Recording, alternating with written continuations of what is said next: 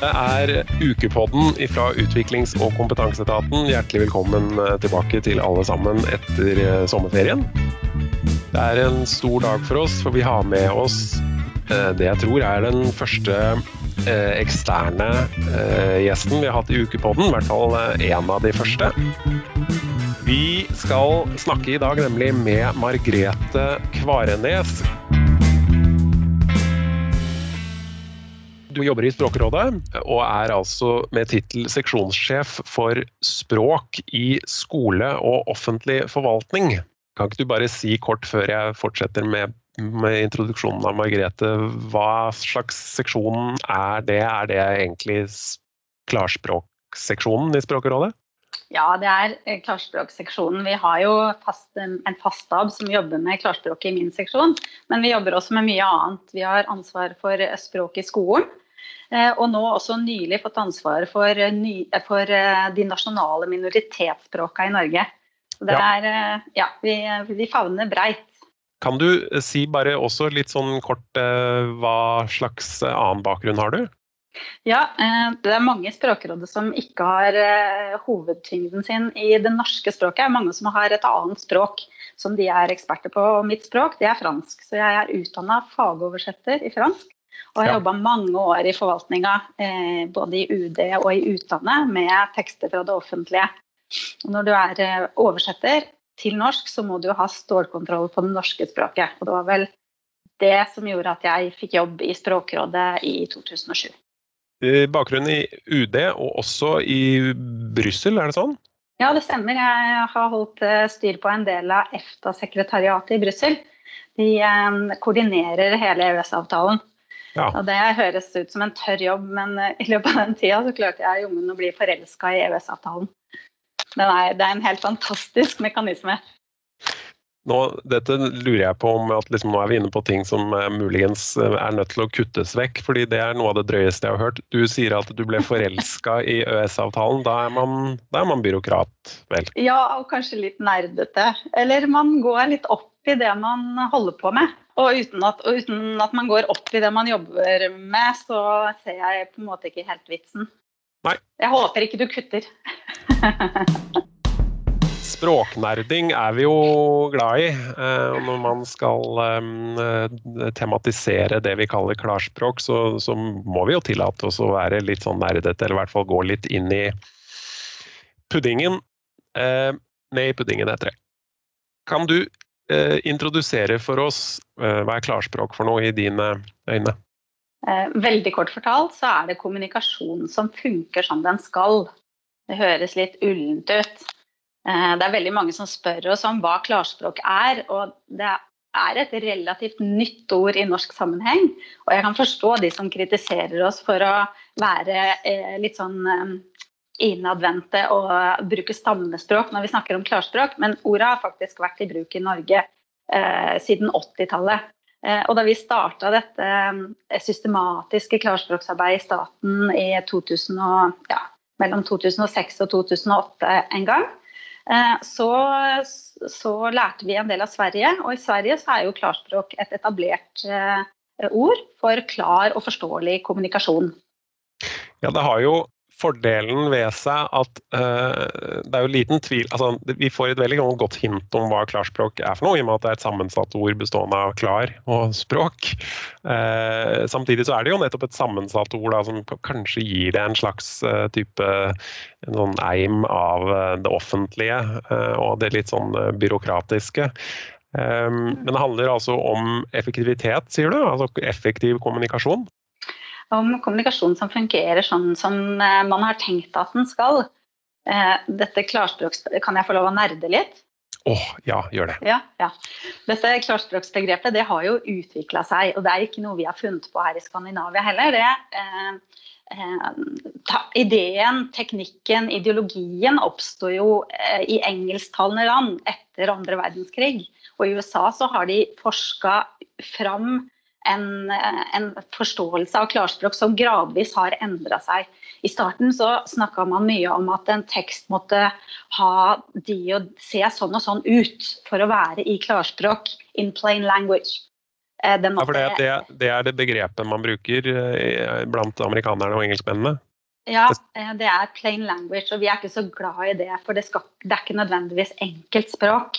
Vi er mer glad i å snakke om clear language når vi, når vi snakker internasjonalt. Ja. ja.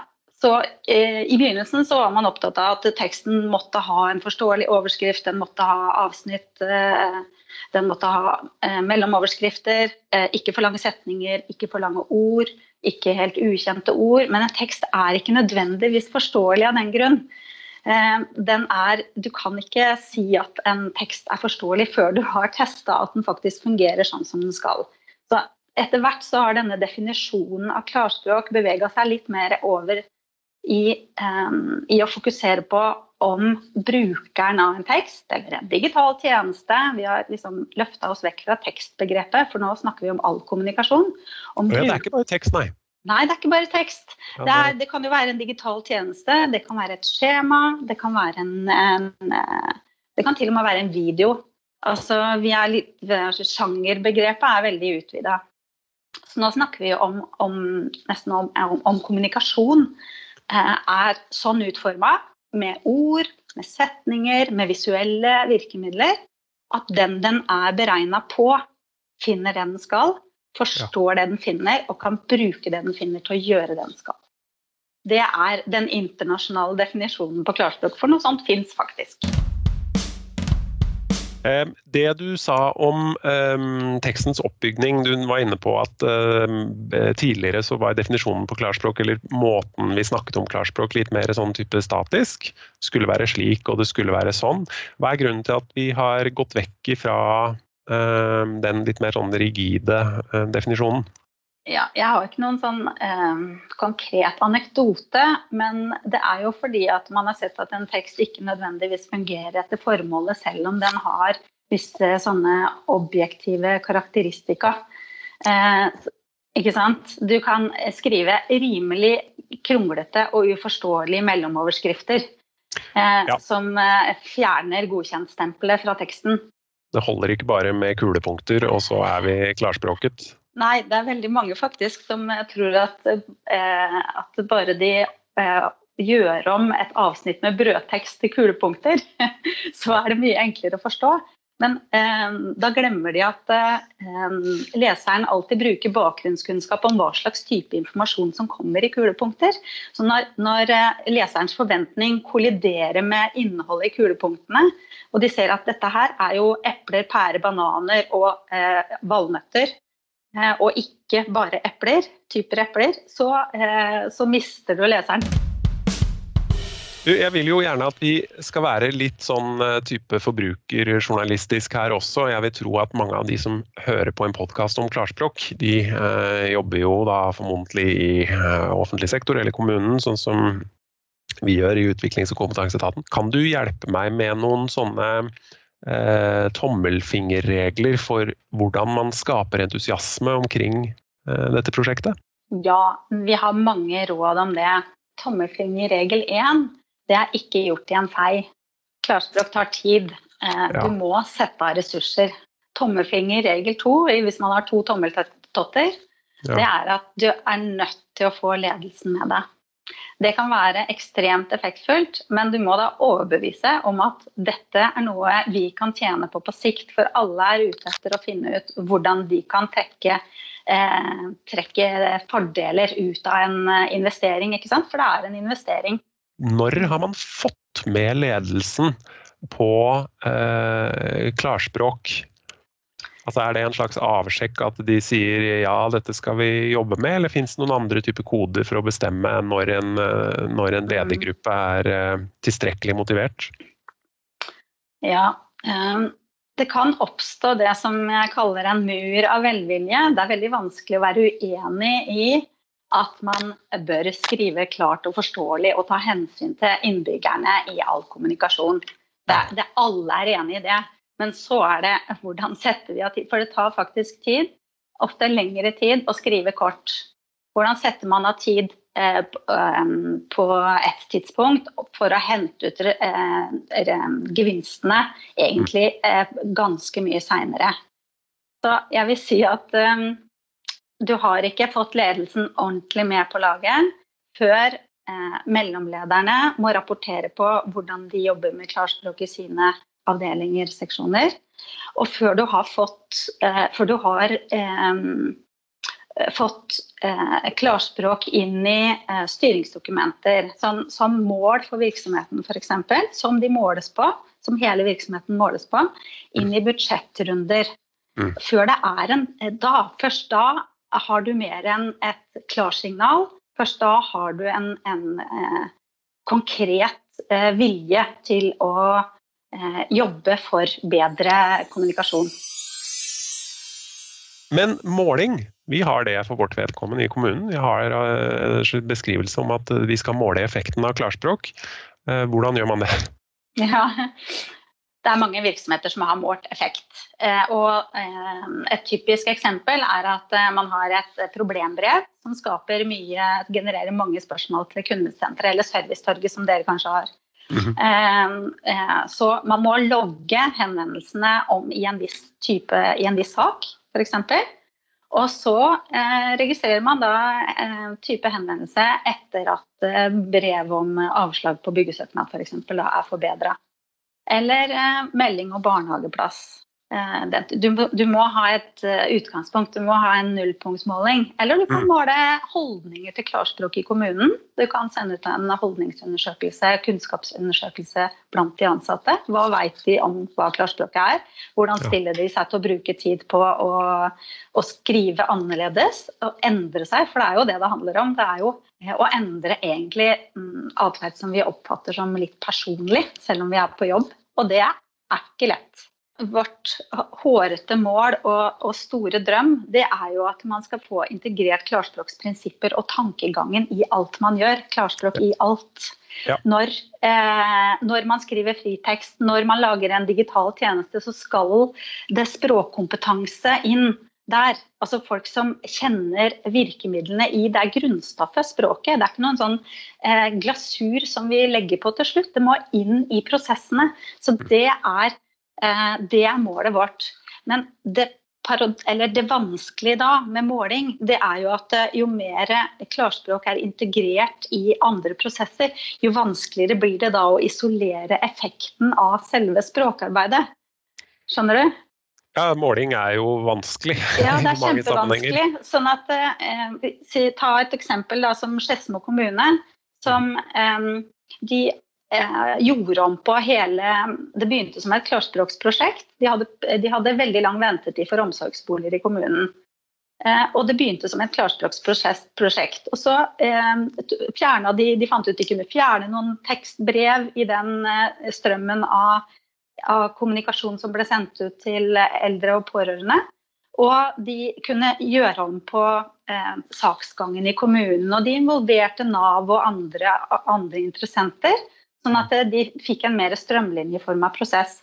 Og de, de eh, kutta ned ventetida jeg tror, fra tre måneder til fem uker. Og det har jo stor betydning for den som venter på omsorgsbolig. Men eh, måte, det blir vanskelig å, å, måle effekten av selve språkarbeidet. Selve det de gjorde med brevene eller informasjonen, kommunikasjonen med eldre og pårørende. Så det, ja, måling er vanskelig. Det ser litt ut som hvis man har, får mer tilfredse mm, brukere og man får redusert eh, kostnader og økt kvalitet på tjenesten, eller at man oppnår noen effekter som er merkbare, så kanskje er det ikke så himla viktig om hvorvidt man klarer å skille språk, klarspråksklinten fra hveten, eller? Nei, jeg tror det er viktigere at man eh, eh innser at eh, måten man formulerer seg på, er en viktig del av tjenesten, av en god tjeneste. Ja. Ja. Og et viktig virkemiddel i det å yte en god tjeneste. Eh, at vi slutter å tenke på eh, å tenke at klarspråk ja, det har med standardbrevene våre å gjøre, det har med brevmalene våre å gjøre. Ofte så må man begynne i det små, begynne der for å heve kompetansen og peke på et problem. Men eh, målet må jo være at vi etter hvert, eh, etter hvert erkjenner at det språket er, eh, det er bygge, de viktigste byggesteinene. Mm. Ja, nettopp. Ikke glasur, som du var inne på i stad, men uh, en slags uh, forlengelse av tankene våre eller uh, kulturen? Er det, ja, det er hovedverktøyet. Mm. Hva er forbindelsen mellom klarspråk og organisasjonsutvikling og eller kulturutvikling, vil du mene? Ja, det mener jeg mye om. Um, det står bra. ja. Eh, hvordan vi skriver på jobb, det utgjør en skrivekultur. Og på en jobb så har vi jo eh, På en stor arbeidsplass så kan vi ha mange skrivekulturer. På en liten arbeidsplass òg, for så vidt. Hvordan altså du mener vi, vi kan sånn ha det, og det er greit? Har, Eh, nei, vi har. Jeg konstaterer. Ja. ja. Eh, sånn skriver vi hos oss. Og det mhm. kan Du veit jo det, kultur det sitter veldig hardt i veggene. Og det er et sånt eh, endringsledelsesordtak som sier at eh, kulturen spiser strategier til frokost. Mm. Det hjelper ikke med all verdens fine strategi hvis ikke du får eh, bevega kulturen. Eh, så klarspråks, det å få klarspråks eh, eh Det å få en, en, arbeidsplass til å skrive klarspråk, eller tenke klarspråk i alt, det handler om kulturendring. Og det, er, det vet vi. Det er ikke gjort i en fei. Jeg syns jo også det du var inne på med smerten, er jo interessant. Mm. Eh, du beskriver at det gjør gjerne litt sånn vondt um, når man skal uh, flikke på noe så personlig som, som, språket til folk. Det er jo nesten som å uh, altså det, det, går veldig tett inn på identiteten. Da. Det er jo nesten som å begynne å kritisere folk for, for utseendet, på en måte. Når man uh, påpeker at ikke alt språk er klarspråk. Mm kan du igjen i um, forbrukerjournalistikkens uh, navn uh, komme med noen slags sånn psykologiske tips og triks? Hvordan kan man åpne folk opp for klarspråk? Og unngå at uh, følelsene blir mer såre enn nødvendig? Mm. Jeg tror faktisk det gjør enda mer vondt enn hvis noen på, eh, pirker på utseendet ditt. fordi at de pirker på selve hele identiteten din. Altså hvem du er på jobb. Og det er jo noe vi har brukt mange år på å lære oss. Hvem vi er på jobb, og hvordan vi skal opptre på jobb. Ja. Eh, vi, gjennom utdanning og gjennom eh, førstejobb, kanskje andre, tredje, fjerde, vi, vi, er veldig raske til å tilpasse oss den konteksten som vi går inn i. Og som skriver å ja, nei, det var, det var, ikke sånn akkurat sånn de skriver her. Ja, og kan du gi meg noen tilbakemelding? Ja, jeg tilpasser meg. Ikke sant? Så lærer vi Vi har eh, porene vidåpne, og vi lærer veldig fort hvordan vi skal passe inn og så kommer vi og så sier vi at du må avlære deg eh, alle disse faglige eh, snirkelvendingene som du egentlig har brukt ganske lang tid på å opparbeide, som, som eh, du egentlig syns eh, viser identiteten din på jobb. At du faktisk du kan dette faget ut og inn. Du har det under huden. Det er en del av deg. Det er klart det gjør vondt.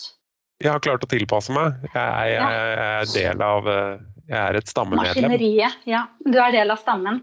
Eh, så det er klart det gjør vondt.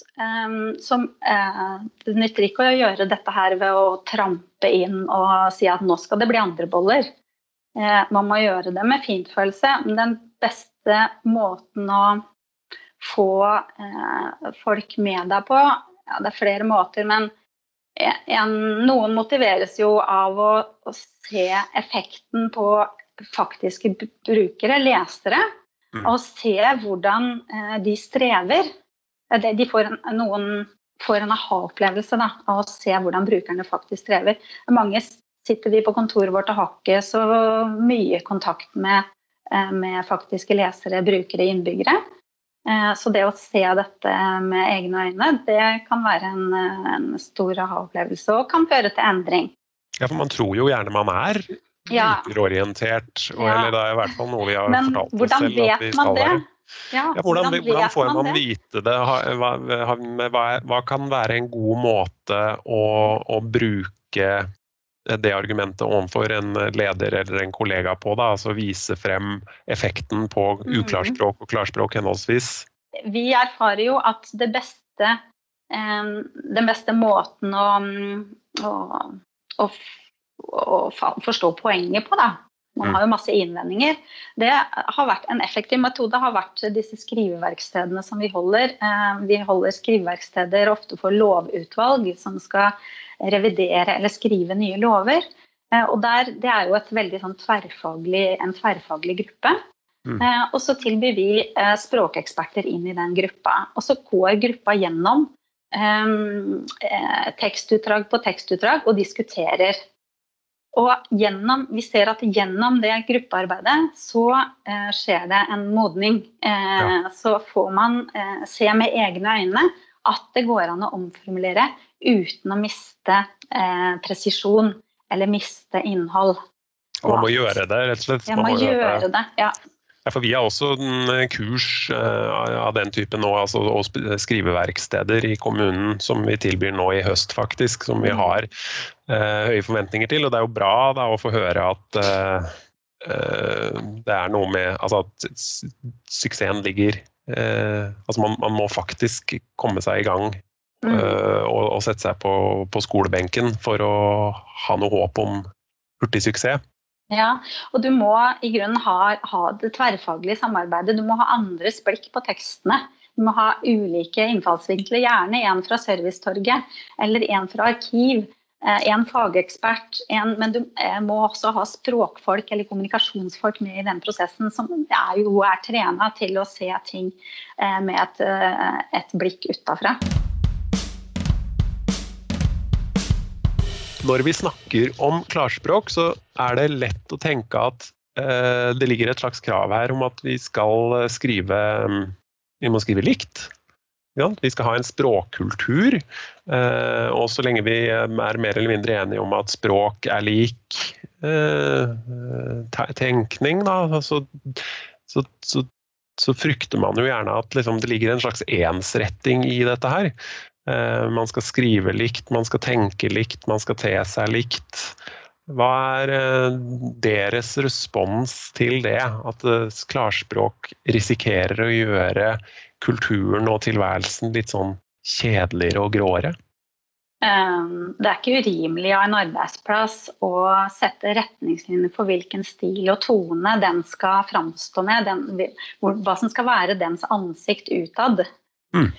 Det å skrive på jobb er jo ingen privatsak. Det er mange som syns at de har rett til å ha en personlig stil i, sine, i det de skriver. Og det, når det gjelder liksom, eh, store mengder informasjon, tonen i, på et stort nettsted, tonen i brevmaler, så bør ja. den være ens. Sånn at det, det har noe med leserens forventninger. Eh, hvis du har en, en stilbrudd eh, midt i et nettsted eller i en kommunikasjonsrekke, så eh, bryter du med leserens forventninger. Og så blir han eller hun forvirra og lurer på om det er noe de har, eh, ikke har fått med seg. ikke sant? Eh, eller er noe de burde ha fått med seg.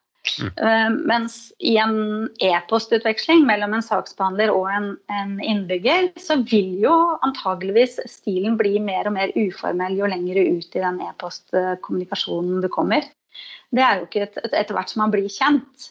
Men Eh, noe, man skal få lov å være myndighet òg. Man, altså, eh, man, skal være Kommunen er, en, er, et offentlig organ og må uttrykke seg som et offentlig organ. Man må ikke glemme det. Så en viss ensrettethet, ja. Absolutt. Og at kommunen har eh, rett og nesten plikt til å eh, gi veiledning for hvilken stil og tone man skal bruke når man er på jobb i kommunen. Det syns jeg bare må være en hjelp for hver enkelt saksbehandler, og særlig for nye saksbehandlere. Det er lov å være kommune, har jeg sett at du har skrevet i en annen sammenheng. Ja. Det er et veldig snedig eh, sitat, det også. Mm. Og så er det altså noe som jeg også har um, sett i forbindelse med ditt navn, som um, er stikkordet 'Redd Kåre'. Kan du um, fortelle litt hva er det for noe? Ja, jeg er litt forelska i Kåre òg. og jeg håper ikke mannen min ser på denne, jeg hører på denne podkasten. Men Kåre han ble jeg kjent med for eh, ja, er det tre år siden nå. Jeg veldig, lurte veldig på hva det er som får, skal til for å få til denne kulturendringa på en arbeidsplass. Og så hadde jeg hørt om et prosjekt i KLP. Og så ville jeg undersøke eh, hvilke sånne eh, grep de hadde gjort for å få til kulturendring. Eh, og så eh, lagde de seg et bilde av kunden, og det er Kåre. Eh, ah, han er en, ja, han er en slags persona. Ja, en figur. Eh, på bildet så ser han ut som eh, en mann i ja, mellom 30 og 60 et sted. Eh, litt sånn ubestemmelig alder. og så lagde de seg en visjon og det var at de aldri skulle bruke eh, språket for å skape avstand eh, eller for å tåkelegge. Og at kundene skulle oppleve at KLP snakket tydelig og enkelt med et språk de forstår. Kundene skulle føle seg ivaretatt. Det var visjonen deres. Og det er også en sånn annet sånn endringsledelsesgrep. Ha en tydelig og visualisert visjon. Bilde av Kåre. Altså, veldig tydelig marsjordre til de ansatte. Og så, etter hvert, så ble dette eh, prosjektet for bedre kundekommunikasjon det ble omdøpt til Redd Kåre. Og alle ansatte ble oppfordra til å være med å redde Kåre. For Kåre var da i ferd med å drukne, ja, han drukna i... i disse lange brevene. som eh, De ble jo bare lengre og lengre etter hvert som de ble sendt på sirk i organisasjonen, og alle skulle si sitt, og alt skulle med.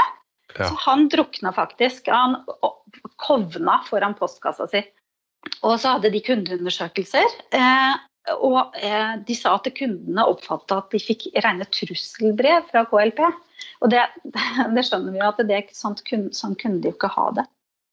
Et tredje grep var at det var jo en del som var skeptiske. Så de inviterte de som var skeptiske med i prosessene. Og de som er skeptiske har jo ofte et engasjement ikke sant, for ting. Så da fikk de brukt det engasjementet og den kompetansen som de som var skeptiske hadde. Så de hadde en veldig fin måte å, å håndtere eh, håndtere den eh, motstanden på. Ja, for de vil jo gjerne bli hørt også? Ja, ja og de ble hørt. Ja. Eh, ja, jeg kaller det ikke sure folk, da, men motstand mot endring, det har vi jo egentlig alle sammen. Det er noen som eh, roper høyere om det enn det andre, og de ble tatt med. Um, og de hadde skrivestuer og, og masse tiltak. Og det som, det som skjedde etter hvert, var at Kåre han sneik seg inn i selve språket i gangene i KLP. Og folk begynte å snakke om å skrive Kåre-vennlig. Eh, ikke bare redde Kåre, men man måtte ivareta Kåre og forsvare Kåre.